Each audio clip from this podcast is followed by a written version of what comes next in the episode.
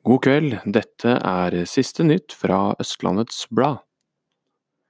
En mann fra Follo nekter å akseptere parkeringsboten han fikk, og har nå tatt saken til forliksrådet.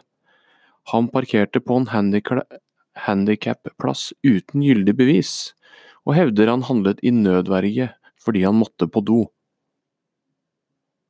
Prost Sven Holmsen ser at færre og færre døper barna sine.